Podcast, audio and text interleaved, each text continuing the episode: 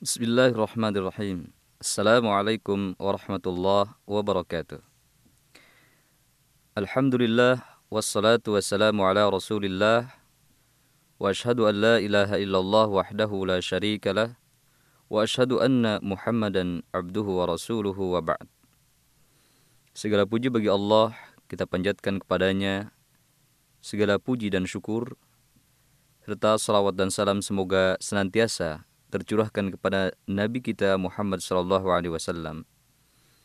Kaum muslimin wal muslimat rahimani Allah wa iyyakum ajma'in. Pada kesempatan yang baik ini kita akan membahas mengenai tafsir surat Ad-Duha. Sebagaimana telah familiar kita kenal di kalangan kaum muslimin, surat Ad-Duha merupakan surat yang banyak dihafal oleh mayoritas kaum muslimin baik di dunia maupun secara khusus di Indonesia. Kaum muslimin wal muslimat rahimanillahu wa iyyakum ajma'in. Sesungguhnya Allah Subhanahu wa taala menurunkan Al-Qur'an kepada hamba-hambanya yaitu agar Al-Quran ditadaburi, difahami maknanya.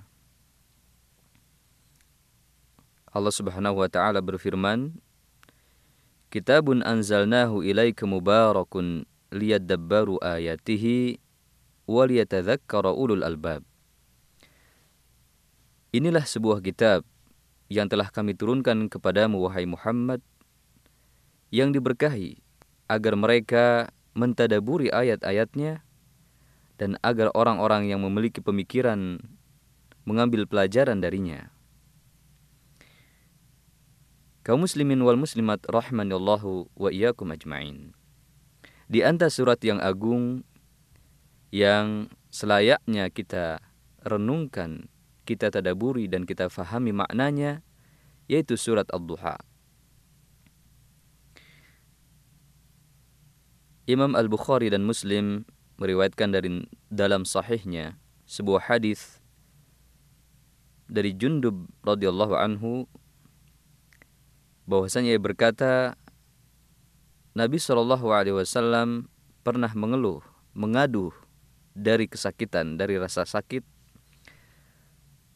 Suatu saat beliau sakit dan Nabi Shallallahu alaihi wasallam tidak melakukan Qiyamul Lail dua hari atau dua malam atau tiga malam.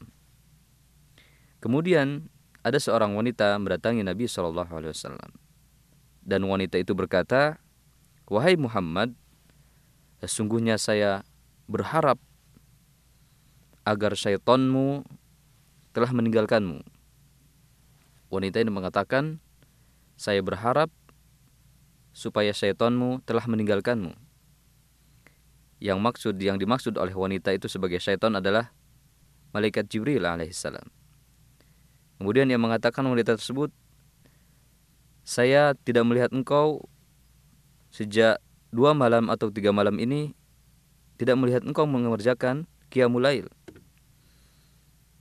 Kemudian Allah Subhanahu wa taala menurunkan ayatnya menjawab peristiwa ini.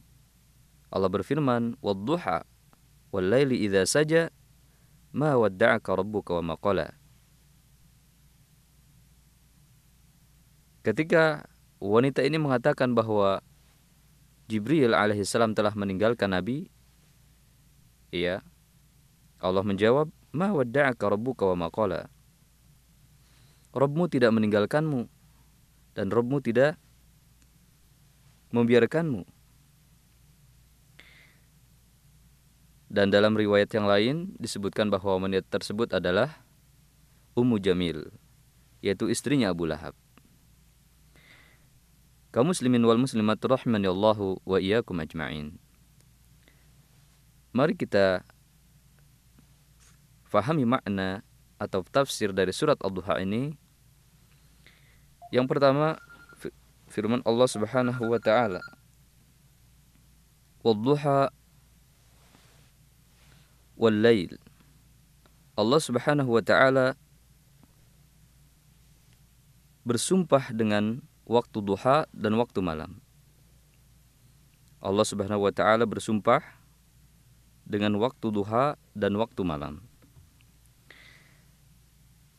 Para ulama berpendapat mengenai sumpah ini di mana Allah Subhanahu wa taala dalam surat ini bersumpah dengan makhluknya yaitu waktu duha dan waktu malam. Dan di beberapa alat ayat yang lain dalam Al-Quran Allah, Allah pun subhanahu wa ta'ala berfirman dengan makhluk-makhluknya.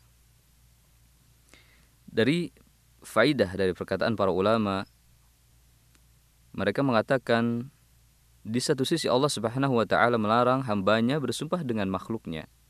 Melarang hambanya bersumpah dengan selain Allah subhanahu wa ta'ala. Sebagaimana dalam hadis Nabi SAW, barang siapa bersumpah dengan selain Allah, maka ia telah syirik atau telah kufur. Akan tetapi dalam ayat ini Allah Subhanahu wa taala bersumpah dengan makhluknya. Para ulama mengatakan bahwa yang dimaksud dengan bersumpah dengan makhluknya ini Allah Subhanahu wa taala menandakan bahwa hal tersebut memiliki keagungan dan keutamaan yang harus dipahami, yang harus dihormati, yang harus diagungkan oleh makhluknya. Karena di waktu duha adalah waktu di mana waktu di mana manusia mencari kehidupan dan waktu malam adalah waktu di mana manusia uh, melakukan istirahat, mengambil istirahat dari kehidupan kehidupan mereka. Dua waktu ini adalah di antara makhluk Allah yang bermanfaat bagi kehidupan manusia dalam kehidupan mereka. Dalam kehidupan mereka dalam berusaha bekerja di siang hari dan mereka perlu istirahat pada waktu tertentu yaitu pada waktu malam. Walaili idza saja ketika malam mulai menyelimuti. Kemudian firman Allah Subhanahu wa taala, "Walaili idza yaghsha wan nahari idza tajalla." Ini firman Allah dalam surat Al-Lail. Firman Allah dalam surat Al-Lail ini, "Walaili idza yaghsha nahari idza tajalla" juga merupakan di antara sumpah Allah Subhanahu wa taala terhadap makhluknya.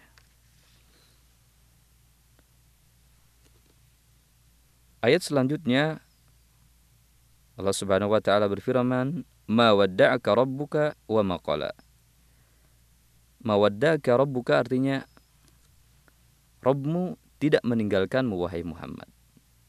Wa ma qala ay artinya Robmu tidak marah kepadamu.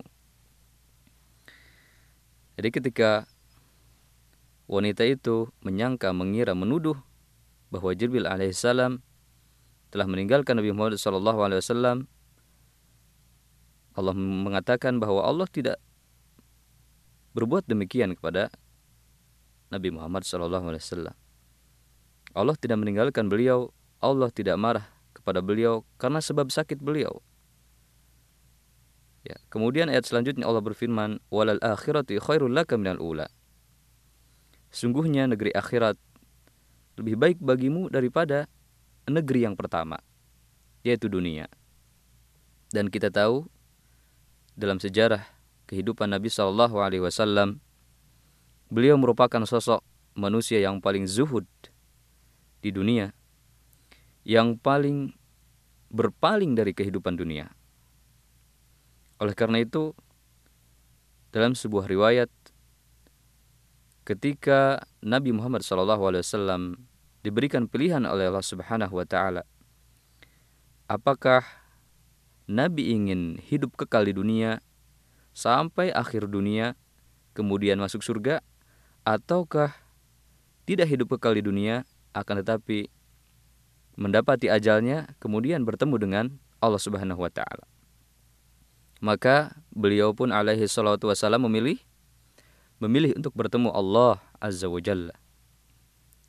Sebagaimana diriwayatkan dalam hadis Abi Muhaibah bahwa Nabi Shallallahu alaihi wasallam berkata kepada Abi Muhaibah, "Wahai Abi Muhaibah, sungguhnya saya telah diberikan pintu-pintu perbendaharaan dunia. Sungguhnya saya telah diberikan kunci-kunci perbendaharaan dunia. Saya telah diberikan, ditawarkan untuk hidup kekal di dalam dunia kemudian masuk surga, masuk surga.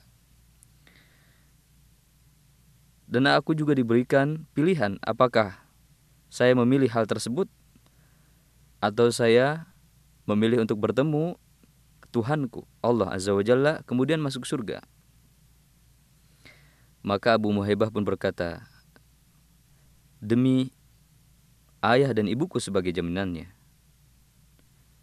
Abu Muhaibah bersumpah menegaskan bahwa yang terbaik adalah mengambil kunci-kunci dunia, kunci-kunci perbendaharaan dunia, kekal di dunia, kemudian masuk surga. Menurut Abu Muhaibah inilah pilihan yang terbaik. Mendapatkan kunci-kunci perbendaharaan dunia, kekayaan dunia, hidup kekal di dunia, kemudian masuk surga. Sekilas, alangkah baiknya, alangkah senangnya. Kemudian Nabi SAW menjawab, La, tidak. Demi Allah, wahai Abu Muhaibah, saya telah memilih untuk bertemu dengan Tuhanku, kemudian masuk surga. Itulah riwayat dari Nabi SAW yang dikisahkan oleh Abu Muhaibah. Kemudian Nabi pun Wasallam memohonkan ampun bagi ahlul baqi' yakni uh, para ahli kubur di baqi'. Kemudian Wasallam uh, pergi. Tidak lama kemudian, beberapa waktu kemudian Rasulullah SAW pun sakit, merasakan sakit kepala, yang pada akhirnya beliau sampai kepada ajalnya Allah Subhanahu wa taala meridainya. Ayat selanjutnya Allah Taala berfirman, "Wala sawfa yu'tika rabbuka fatardha." Sungguhnya Rabbmu yaitu Allah Subhanahu wa taala akan memberikan engkau segala sesuatu kebaikan, maka engkau engkau pun akan ridho terhadap pemberian Allah tersebut.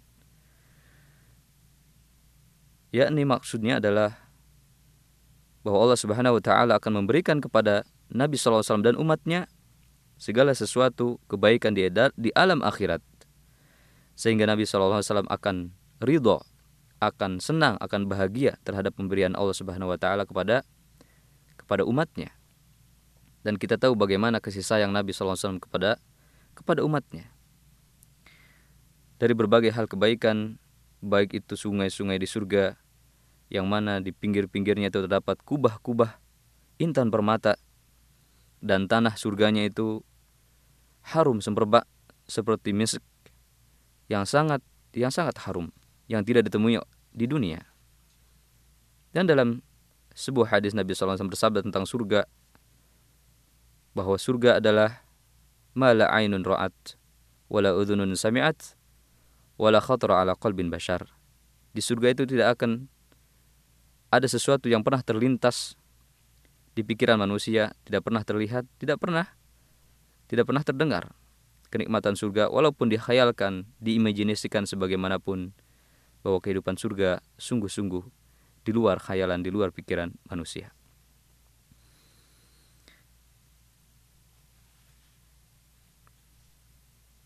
Ikhwatal Islam rahimani Allah wa yakum ajma'in.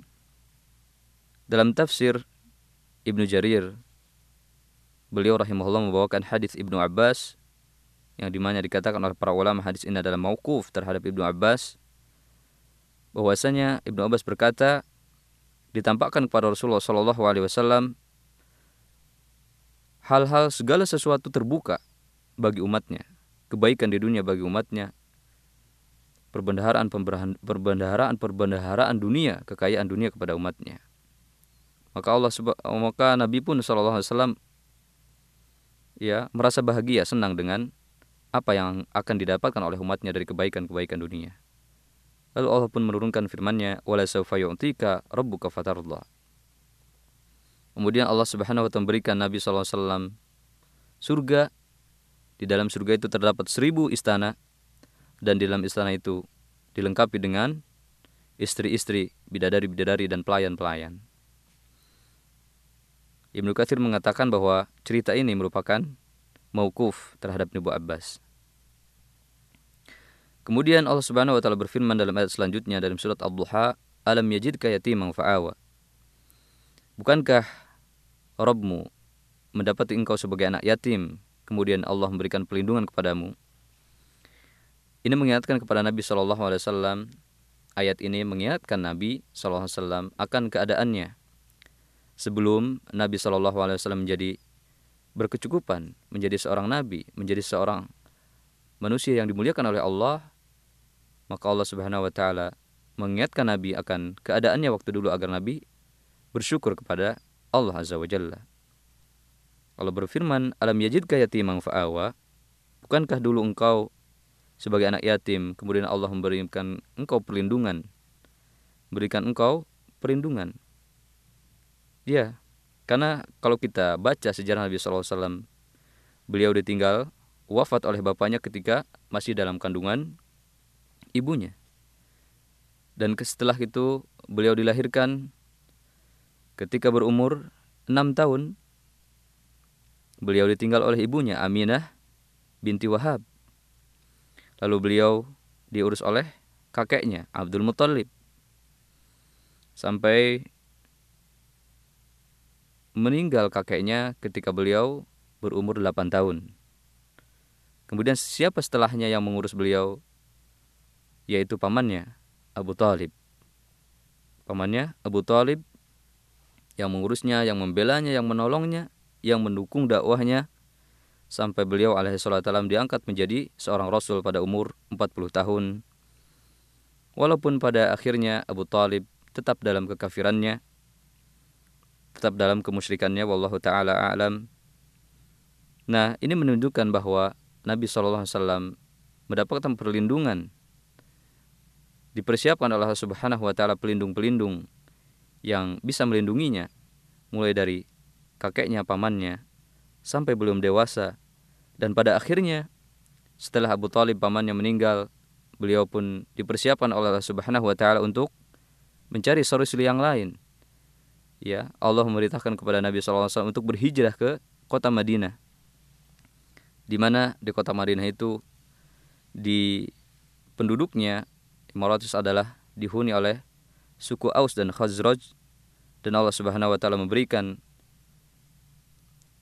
pertolongan kepada Nabi SAW dengan membukakan hati suku Aus dan Khazraj untuk menerima beliau, menolong beliau, sehingga pun mereka pun berperang bersama Rasulullah SAW di jalan Allah. Demikian yang dimaksud dalam firman Allah, alam yajidka yatimah fa'awa, bukankah engkau ter dulu adalah termasuk anak yatim, kemudian engkau dilindungi Allah Subhanahu wa taala melalui hamba-hambanya yang pada akhirnya yaitu dari kaum uh, al al ansar radhiyallahu taala anhum. Ayat selanjutnya adalah firman Allah, "Wajadaka dhallan fahada." Bukankah ia menemukan engkau dalam kebingungan, kemudian Allah Subhanahu wa taala memberikan petunjuk kepadamu? Ayat ini setara dengan firman Allah Subhanahu wa taala dalam firman-Nya dalam surat Asy-Syura, "Wa kadzalika ilaika ruham min amrina." Demikianlah kami wahyukan kepadamu ruh yaitu Al-Quran dari perintah kami. Ma kunta tadri mal kitab walal iman. Dulu engkau tidak tahu apa itu Alkitab. Engkau tidak tahu dulu apa itu al-iman. Walakin ja'alnahu nuran nahdi bihi man nasha'u min ibadina. Akan tetapi kami jadikan Alkitab itu, al-iman itu sebagai cahaya yang dengannya kami memberikan petunjuk kepada siapa saja yang kami kehendaki dari hamba-hamba kami. Yaitu termasuk di antaranya adalah Nabi Muhammad SAW. Wa innaka latahdi ila siratim mustaqim. Dan sungguhnya engkau akan memberikan petunjuk kepada jalan yang lurus, yaitu petunjuk petunjuk dilalah. Adapun petunjuk taufik yaitu eh, hak hak mutlak adalah milik Allah Subhanahu wa taala sebagaimana firman-Nya innaka la tahdi man ahbabta walakin Allah yahdi man yasha. Sungguhnya engkau wahai Muhammad tidak bisa memberikan petunjuk taufik kepada engkau pada orang yang engkau cintai akan tetapi Allah Subhanahu wa taala memberikan petunjuk taufik itu kepada hambanya yang ia kehendaki. Oleh karena itu Nabi Shallallahu alaihi wasallam tidak bisa memberikan tidak bisa memberikan petunjuk atau memaksa pamannya Abu Talib untuk masuk Islam, untuk memeluk Islam sehingga pamannya pun meninggal dalam keadaan musyrik. Ayat selanjutnya firman Allah Subhanahu wa taala wa wajadaka ailan fa'agna. Kata Allah Subhanahu wa taala, Allah mendapati engkau ailang orang yang fakir, banyak kebutuhan, fa'agna. Kemudian Allah pun mencukupkan engkau, mencukupkan engkau. Yani ketika Nabi SAW yatim, kemudian dewasa, beliau memiliki tanggungan, tanggungan keluarga, ketika beliau sudah menikah, beranjak dewasa, berumah tangga, ya menanggung jawab, bertanggung jawab terhadap dakwah, beliau banyak tanggungan. Istrinya, anak-anaknya, dan umatnya. Kemudian Allah Subhanahu wa taala mengatakan, Allah mencukupinya, Allah telah mencukupi kamu wahai Muhammad, wahai Muhammad. Maka dalam ayat ini Allah Subhanahu wa taala menggabungkan dua dua posisi di mana posisi Nabi SAW pada saat itu sebagai posisi yang fakir akan tetapi beliau sabar pada saat yang sama pula Allah Subhanahu wa taala memberikan kecukupan kepada Nabi SAW karena beliau pun bersyukur sebagai hamba yang bersyukur uh, terhadap nikmat ibadah Allah Subhanahu wa taala. Nabi SAW bersabda dalam sebuah hadis yang diriwayatkan oleh Imam Muslim Hadis dari Abu Hurairah, beliau sallallahu alaihi wasallam bersabda, "Qad aflaha man aslama wa ruziku kafafa wa qanna'ahu Allahu bima atah." Telah beruntunglah Allah orang yang masuk Islam kemudian diberikan rizki yang mencukupinya wa qanna'ahu Allah bima atah dan Allah Subhanahu wa taala memberikan rasa qanaah dalam hatinya, rasa puas, rasa cukup dalam hatinya terhadap apa yang diberikan Allah kepadanya. Dalam hadis yang lain Rasulullah sallallahu alaihi wasallam bersabda, "Laisa an kathratil ardi, innamal ghina ghinan nafsi." Bukanlah kaya itu banyaknya harta, akan tetapi kaya yang hakiki yaitu merasa cukup diri terhadap apa yang diberikan Allah Subhanahu wa taala. Itulah yang dimaksud oleh Allah Subhanahu wa taala dalam firman-Nya, "Wajadaka a'ilan fa'aghna." Dan Allah telah mendapati engkau sebagai orang yang butuh, fakir, kemudian Allah mencukupimu. Dan pada kenyataannya Nabi Shallallahu Alaihi Wasallam ketika meninggal dunia tidak meninggalkan sesuatu harta apa pun, tidak ada sesuatu yang diwariskan ataupun dihibahkan atau diwasiatkan. Selanjutnya firman Allah Subhanahu Wa Taala, fa'ammal yatima fala taqhar. Adapun orang yatim, anak yatim, maka janganlah engkau menghinakannya. Ini mengingatkan kepada Rasulullah Shallallahu Alaihi Wasallam ketika beliau sebagai anak yatim tidak punya siapa-siapa, tidak punya orang tua, maka Allah Subhanahu wa taala mengingatkan beliau juga umatnya agar tidak menghinakan anak yatim. Yang ketiga, yang selanjutnya firman Allah Subhanahu wa taala wa amma sa'ila fala tanhar. Adapun orang yang meminta-minta janganlah engkau menghardiknya. Kenapa? Ini adalah uh, anjuran atau bimbingan Allah Subhanahu wa taala, kita dilarang untuk menghardik orang yang meminta-minta meskipun meminta-minta merupakan perilaku yang buruk, yang tidak baik, yang tidak diajarkan oleh Islam, akan tetapi pada saat yang sama orang yang meminta-minta itu pun tidak terlepas dari takdir Allah Subhanahu wa taala. Ia bernasib seperti itu, dia kebingungan, tidak memiliki solusi untuk mencari nafkah selain meminta-minta, maka pada saat yang sama pula kita tidak tidak boleh menghardik mereka. Tidak boleh menghardik mereka. Sebagaimana Nabi Wasallam juga dulu pernah miskin, pernah tidak punya apa-apa. Demikian pula perasaan orang miskin yang tidak punya apa-apa. Ya, ini merupakan cerminan akhlak dan bimbingan Al-Quran dari Allah Subhanahu Wa Taala. Ayat selanjutnya Allah Subhanahu wa taala berfirman, "Wa amma bi rabbika fahaddits." Adapun terhadap nikmat nikmat Rabbmu maka berkatalah, ceritakanlah nikmat itu. Ya. Karena di antara syukur nikmat adalah menyebutkan nikmat-nikmat Allah Subhanahu wa taala. Nabi Shallallahu alaihi wasallam bersabda, La yashkurullaha man la yashkurun nas. Tidaklah bersyukur kepada Allah Subhanahu wa taala barang siapa yang tidak bersyukur kepada manusia. Ya di antara menyebutkan nikmat adalah menyebutkan kebaikan orang lain, berterima kasih kepada kebaikan-kebaikan manusia. Dan itu di antara syukur kepada Allah Subhanahu wa taala dan makna daripada firman Allah fahadits maka ceritakanlah maka sebutkanlah. Rasulullah SAW juga bersabda man ubliya balaan fadzakarahu faqad syakarah wa in katamahu faqad kafarah barang siapa yang ditimpa musibah kemudian ia menyebutkan musibah tersebut maka ia telah mensyukurinya. Barang siapa menyembunyikan musibah maka ia telah mengkufurinya. Artinya menyebutkan musibah dari Allah Subhanahu wa taala kemudian ia menyebutkan tidak apa namanya tidak sedih tidak menyesal dan mensyukuri uh, musibah yang datang kepadanya yang di antaranya adalah menghapus dosa-dosa dan meninggi, meninggikan derajat. Kaum muslimin wal muslimat rahimanallahu wa iyyakum ajmain. Inilah di antara tafsir surat Ad-Duha yang sangat singkat ini.